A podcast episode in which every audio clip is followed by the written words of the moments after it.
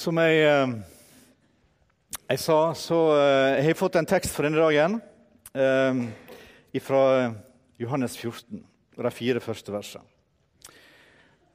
Og Der står det altså på, på, mitt målføre slik Lat ikke hjertet deres uroast. Tru på Gud og tru på meg ja, vi er sikkert på vei snart. Lat ikke hjertet deres uroast. Tru på Gud og tru på meg. I huset til far min er det mange rom. Var det ikke slik, hadde jeg da sagt dykk at jeg går og vil gjøre klar en stad til dykk. Når jeg har gått og gjort klar en stad til dykk, kommer jeg att og tar dykk til meg. Så det skal være der jeg er, og dit jeg går, veit det vegen.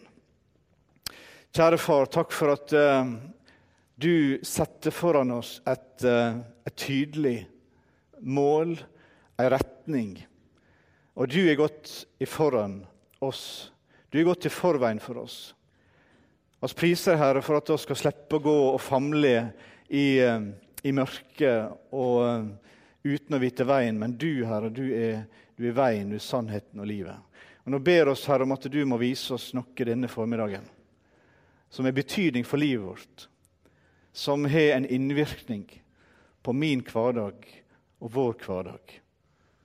Og spør om det, gode Gud. Amen.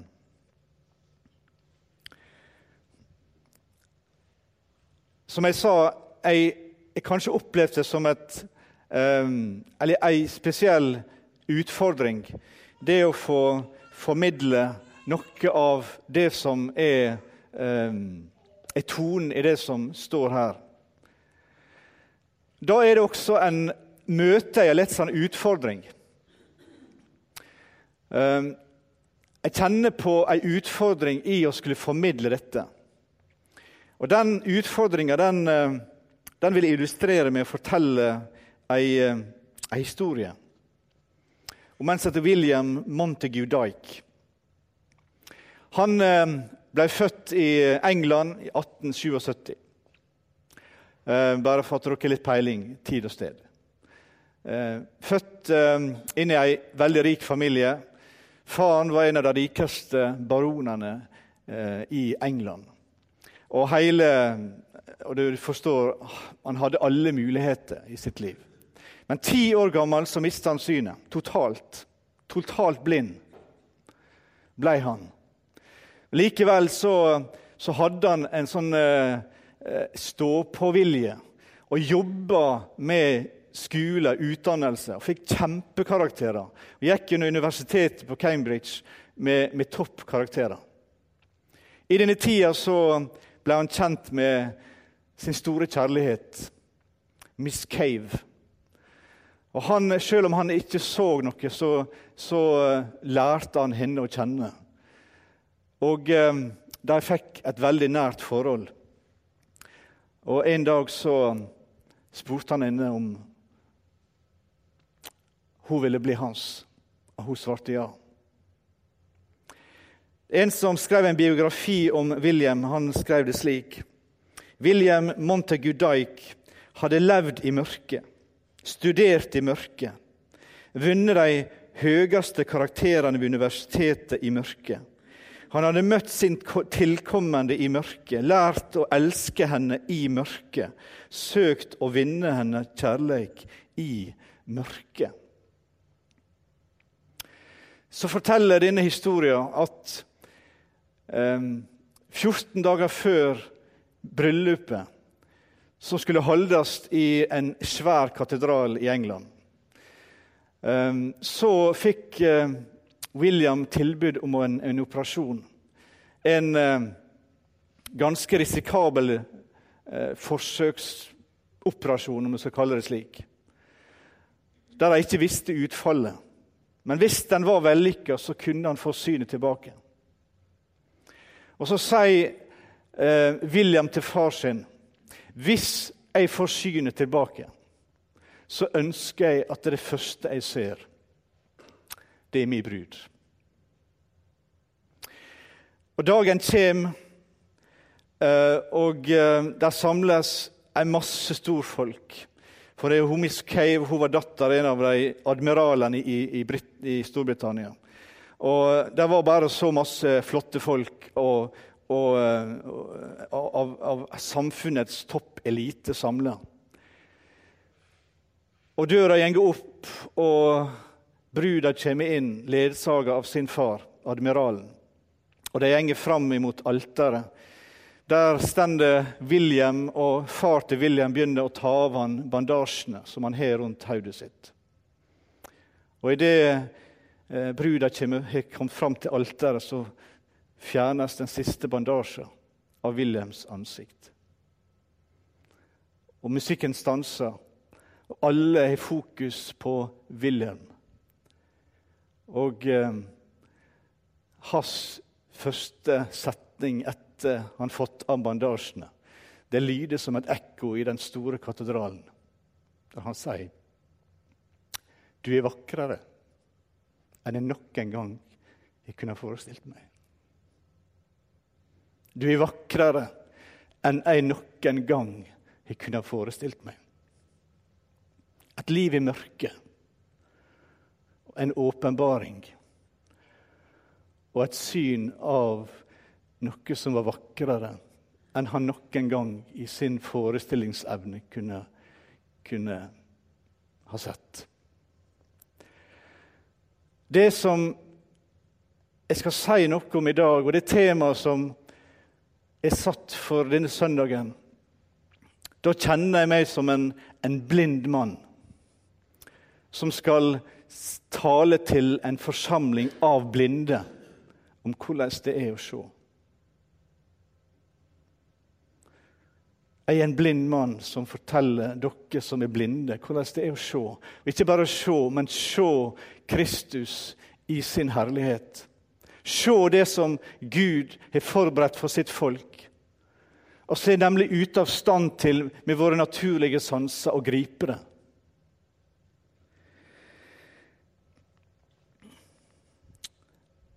Men Bibelen sier at eh, oss ser som i en speil, i ei gåte. Men en dag så skal oss få se ansikt til ansikt. Han som oss er satt vår lit til. Han som er vår frelse.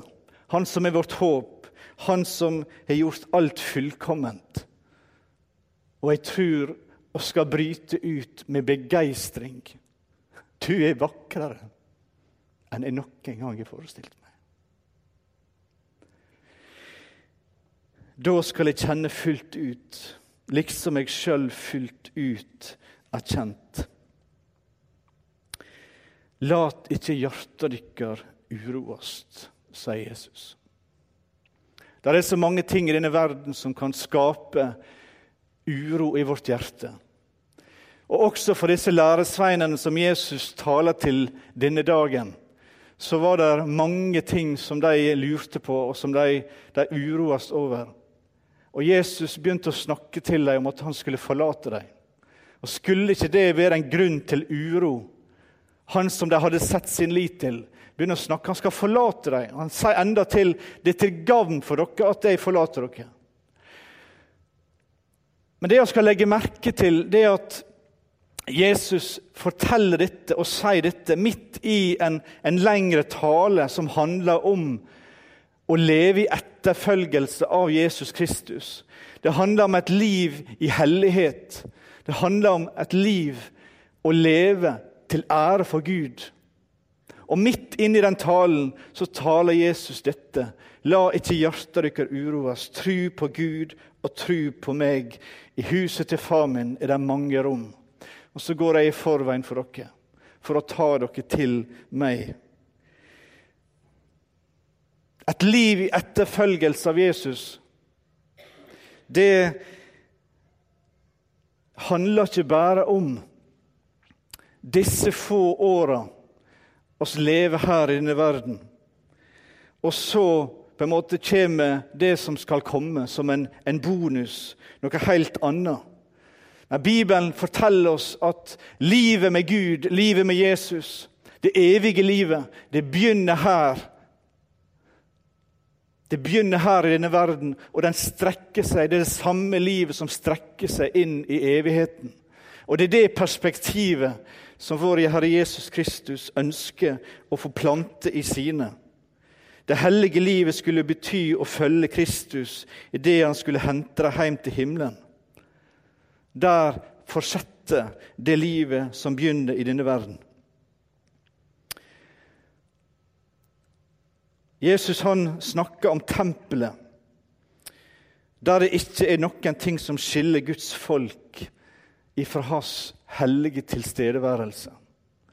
Han snakker om en tilstand der Gud er alt i alle. Han snakker om en tilstand der Gud er lyset, der oss skal få være i hans og makte og tåle å være i sammen med Herren. Og Dette tempelet, eller denne himmelske bolig, er det Kristus nå begynner å tale til læresveinene sine om som Guds sønn så hadde han kommet ned ifra himmelen. Han hadde førstehånds kjennskap til det som han taler til sine om. Disiplene hadde lite eller ingen kjennskap til det. Og De hadde noen skildringer fra profetene om det messianske riket, som, som profetene skildra. Men de hadde ingen beskrivelse av det fullkomne Guds rike. Gud Faders rike. Det skulle gå enda 60 år etter Jesus sier dette, før Johannes får synene på Patmos, der han får se inn i det evige, det himmelske, der det som heretter skal skje. Men menneskeord kan jo umulig skildre en tilværelse i Guds nærhet. Det blir en masse bilder. Det kan ikke bli noe annet for oss. For våre fattige ord, våre menneskeord, kan ikke romme lyset i det og tilværelsen i å leve sammen med Gud. Like lite som våre ord kan nakte å beskrive mørket i evigheten borte ifra Gud. Derfor så er testamentet vårt fullt av sterke ord, sterke bilder. Men samtidig så beskriver Jesus noe for oss som er veldig konkret. Disse bildene som du har sett av, av eh, av, av, av mennesker med, med, små vinger på, på, ryggen og sittende og sveve på skyer, det har ingenting med en bibelsk framstilling å gjøre. Bibelen snakker om noe konkret. Akkurat som, som, Gud skapte denne verden, så konkret som jeg og du lever her, som en bolig her i den tida, så snakker Jesus om noe konkret som venter hans folk. Det er en plass det er et hus. Det er real estate. Det er ikke bare en tåkeheim, noe dvast noe. Tru på Gud og tru på meg. I min fars hus er det mange rom. En gang tidligere i sin virksomhet så hadde Jesus brukt dette samme begrepet 'i min fars hus'. Og Da refererte han til tempelet i Jerusalem. Og Dette dette jordiske huset var også hellig, og alle prestene og alle levittene og alle som gjorde tjeneste eh, i det, måtte innvies i en hellig tjeneste. Det vil si at de måtte være utskilt til bare å stå i den tjeneste for Gud. Ingenting kunne tillates som skulle skitne til, tilsmusse dette hellige plassen. Og Det var grunnen til at Jesus reagerte som han gjorde. Når han kasta ut alle som drev med, eh, med pengeveksling og, og kremmeri i denne hemmeligheten. Få det vekk. Gjør ikke min fars hus til en markedsplass. Og Når han talte disiplene om den tilstanden som, som venta Guds folk der hjemme, så brukte han dette begrepet igjen. Og så sier han det nå om den, den himmelske bolig, ikke det jordiske tempelet. Um, Hebreerbrevet 9,11 sier dette. Da Kristus kom som øversteprest for de goder som skulle komme, gikk han gjennom det teltet som er større og mer fullkomment, som ikke er gjort med hender, vil si, som ikke er av denne skapning. Og Dette teltet som det vises til, er jo denne, det tabernaklet som, som var reist ute i ørkenen når israelsfolket gikk gjennom ørkenen.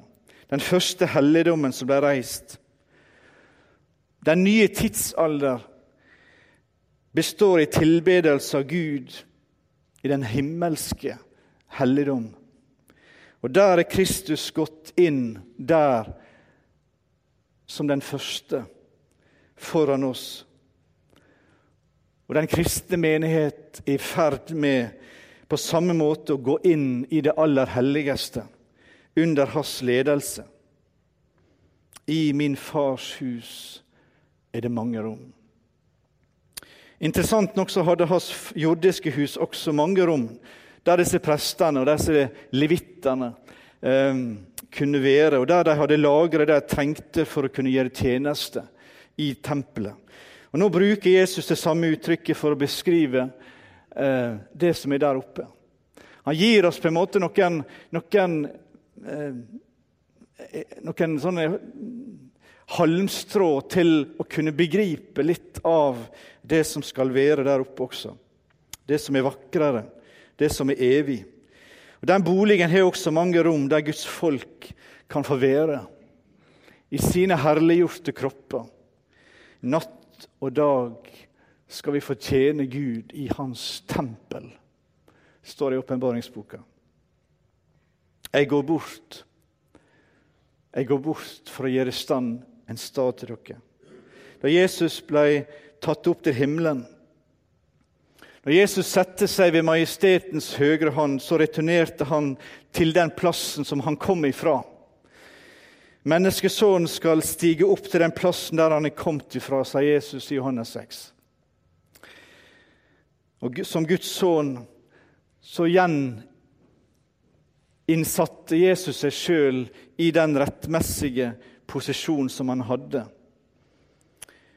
Og nå, far, ber Jesus i sin ypperste prestelige bønn, herliggjør du meg hos deg sjøl med med den herligheten jeg hadde hos deg før verden var til.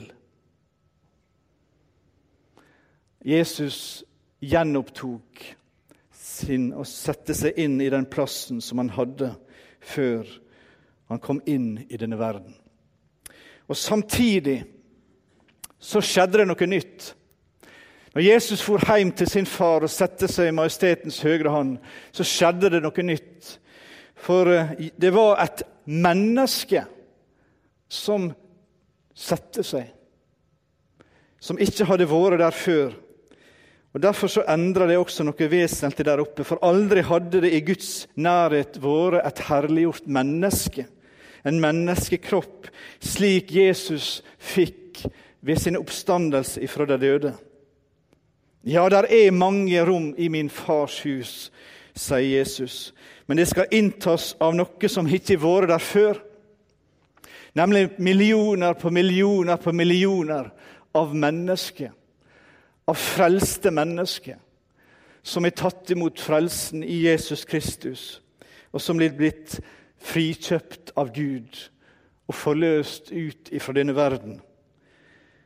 De skal innta Faderhuset. Du som er en kristen, du som er et Guds barn. Du skal forløses fra denne verden. Når Herren kommer og henter sitt folk, og overengelens røst lyder, og basunen lyder, så skal Herren hente deg hjem. Og så skal du få en del, en, en herliggjort kropp, som passer inn i disse boligene. Ja, det er mange rom i min fars hus, men jeg må dra i forveien. Og så må jeg forberede denne plassen til mitt folk, til det store innrykket. Og når jeg er ferdig, sier Jesus, så kommer jeg. Og Jesus ber videre i den samme bønnen i, i, i Johannes 17. Far, jeg vil. Jesus hadde lært læresveinene sine å be skje, din vilje. Han hadde nettopp bedt ikke som jeg vil, bare som du vil, far. Men her sier Jesus noe sterkt. For jeg vil at de du har gitt meg, skal være hos meg der jeg er. Så de får se min herligdom. Den som du har gitt meg fordi du elsker meg før verden ble grunnlagt. I Tredje Mosebok kan du lese om hvordan ypperste presten gikk inn i det aller helligste med røkelse før han bar fram sonofferet. På samme måte ser oss hvordan Jesus i denne bønn, som vår ypperste prest, bærer fram bønner til sin far for sitt folk. Far, jeg vil at de som du har gitt meg, skal være hos meg der jeg er. Jeg håper ikke du er i tvil om hvor du skal være når du dør, eller når Herren henter deg hjem. Jeg håper ikke du er i tvil om hva Bibelen sier om disse ting. Husker du den gangen du eh, bygde deg hus, eller første leiligheten som du hadde? Jeg husker veldig godt eh, på Godøya når vi skrapte sammen og hadde fått tilsagn fra banken om å få, få bygge eh, hus innenfor eh, 60% av lånetakst osv. Um, og satte i gang 14 måneder brukte oss eh, ifra eh, arbeidet med grovplata begynte, og til huset sto ferdig. Det var ikke alt som var av, eh, av ypperste klasse og merke, men vi var utrolig stolt og viste huset vårt fram med, med stolthet til de som hadde funnet det vått å komme på besøk. Husker du den følelsen? Um, jeg husker den så godt. Og Det er på en måte noe som jeg, jeg, jeg, vil Det Jesus sier, jeg vil at de du har gitt meg, skal få være hos meg der jeg er. Jeg ser for meg at Jesus sitrer av begeistring for å vise fram farshuset. Dette herlige himmelske tempelet som er beredt for Guds folk. Men det er noe mer og mye mer vesentlig. Dette er at far, jeg vil at de du har gitt meg, skal være hos meg der jeg er. Det er ikke først og fremst en plass, men det er å få møte Herren. Du er vakrere enn jeg noen gang har forestilt meg. Å få møte Han som ga sitt liv for deg, som skapte deg i sitt bilde, som skapte deg som sin ypperste skapning, som har satt sitt adelsmerke på deg menneske, og som har frelst deg fra denne verdens synd og død og mørke, som ga sitt liv for deg på Golgata kors. Han har du aldri sett. Her går oss i mørke, her går oss i blinde. Men en dag så skal vi se Bandasjen skal fjernes, og vi skal se Hans herlighet. Jeg sa at denne tale fra Jesus handler om et hellig liv. Og så kan vi spørre oss hva har dette budskapet med det å gjøre? Hva praktisk konsekvens har et sånt budskap fra Jesus til sine læresveiner? Det står sånn i Hebreabrevet kapittel 12 vers 2. For å få den gleda som venter, holdt han ut på krossen, uten å bry seg om skamma, og han har sett seg på høyre side av Guds kongstol. Jeg vet at jeg har nevnt dette før, og jeg, jeg, kommer til å nevne det igjen. Men for meg så gir denne setninga her et perspektiv over Jesu liv og Jesu lidelse. Fordi han visste så utmerket godt hva som møtte han. Hva han gikk i møte av, av tortur, av hån og spott. Han visste så inderlig vel om det mørke som skulle senke seg over vår verden når gudsforlattheten Når han opplevde den. Min Gud, min Gud, hvorfor har du forlatt meg? Jesus visste om det. Men han visste om noe mer. Han så noe mer. Han så bakom alt dette. Så så han en skare av mennesker som har gitt sitt liv til den Herre Jesus Kristus. Og dette synet av deg, av dine brødre og søstre, ifra alle nasjoner, folkeslag, til alle tider, det fylte den Herre Jesus Kristus med en sånn glede at han holdt ut. Og så ber Gud oss om å se langt og ikke kort. Han sier det sånn om i Hebreabrevet 11, som handler om alle disse trusheltene. Og når, når, når, Gud på en måte opp, ramser opp noen av dem, som, som Abel og Enok og Noah og Abraham og Sara, så sier Bibelen i denne trua døde alle disse uten å ha fått det som var lova.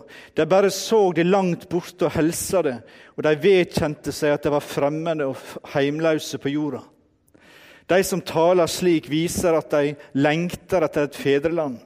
Om de hadde tenkt på det landet de drog ut fra, hadde de nok hatt tid til å vende tilbake, men nå er det et bedre land de lengter etter, det himmelske. Og Derfor skjemmes ikke Gud av dem, men kalles deres Gud, for Han har gjort i stand en by til dem. Abraham og de andre de brydde seg ikke om å gå tilbake til det de kom ifra men de så med sitt indre blikk det Gud hadde forberedt for sitt folk. Og Når du leser testamentet ditt, så vil du se at det er massevis av ord som oppfordrer meg og deg til å gjøre akkurat det samme. Og som minner oss om at vi må ha dette perspektivet over vårt liv. Skal vi lese noe av det? Hebreabrevet 13, 14. Her på jorda har vi ingen by som varer, vi lengter etter den som skal komme. Efeserbrevet 2, 19. Det er medborgere sammen med de hellige og hører Guds familie til. Filippabrevet 3,20. Vi har vår borgerrett i himmelen, og derifra venter vi Herre, Frelseren, Herre Jesus Kristus. Første Tessalonika-brev 1. Det forteller sjøl hva mottaket vi fikk hos dem, hvordan det vender om til Gud fra avgudene for å tjene den levende, sanne Gud, og vente på Hans Sønn ifra himlene, Han som Gud reiste opp fra de døde. Jesus, Han som berger oss fra den kommende vreiden. Og Peter skriver det sånn.: Jeg legger dere på hjertet, mine kjære, det som er fremmede og utlendinger i verden at det skal sky lystne deres kjøtt og blod, som fører krig imot sjela. Trenger oss flere vers? Nei. Bibelens Gud ber oss om å ha dette perspektivet som denne teksten i dag taler så sterkt om. At den skal sitte i ryggmargen på Guds folk. Fordi at det gjør noe med, med hele tenkninga om hva som er, er, viktig i denne verden. Ja, Det er mange ting som er viktige, men det er bare én ting som er nødvendig. Og Det er å få, å få ha sin sak i orden med Herren og høre Jesus Kristus til. Men også i våre hverdag så meisler Gud ut denne veien og denne bevisstheten for sitt folk oss er borgere i himmelen. Og derifra så venter oss Herren Jesus Kristus som Herre. Dersom vi bare i dette livet setter vår liv, lit til Kristus. Da er vi ynkeligere enn alle mennesker, står det i 1. Korinterbrev 15. Dersom det er bare i dette livet det er Hvis det kun for dette livet oss er kristne, så er oss de mest patetiske og ynkelige av alle mennesker.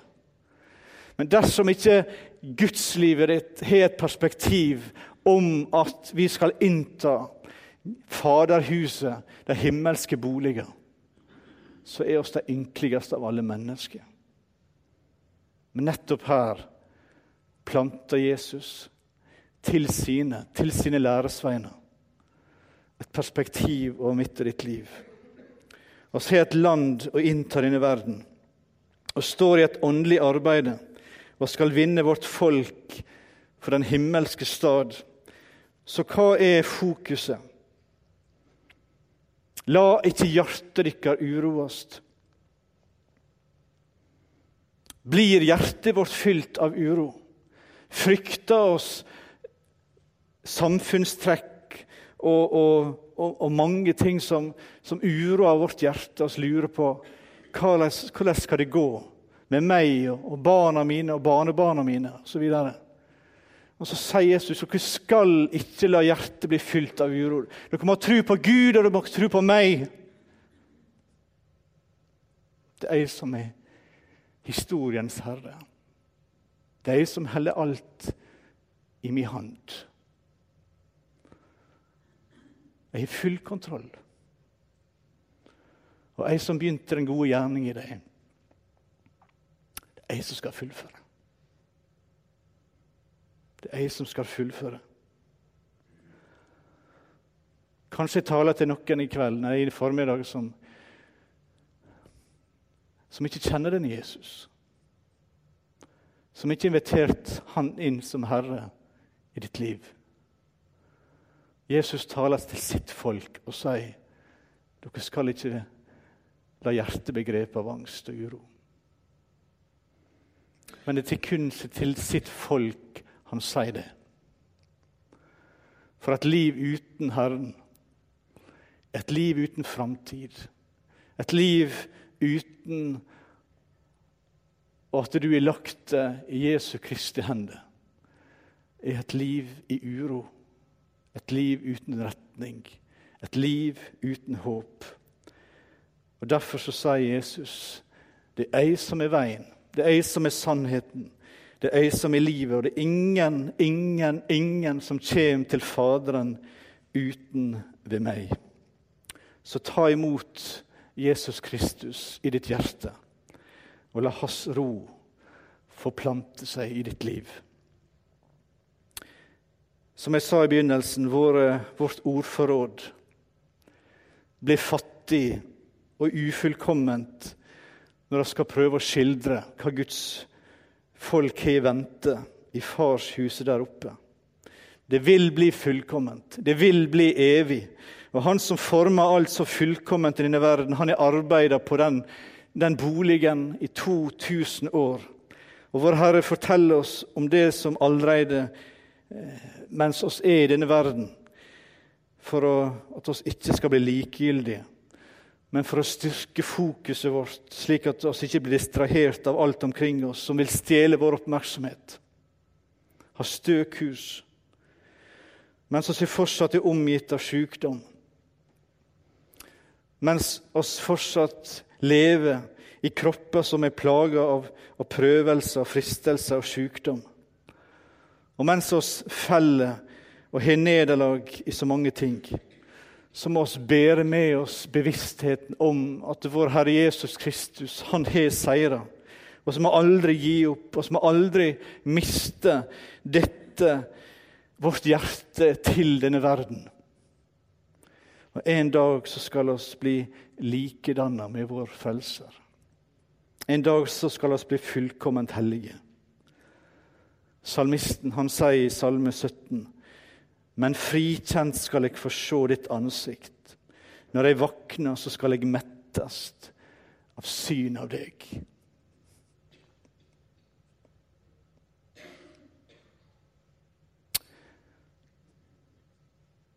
Du er vakrere enn jeg noen gang har forestilt meg.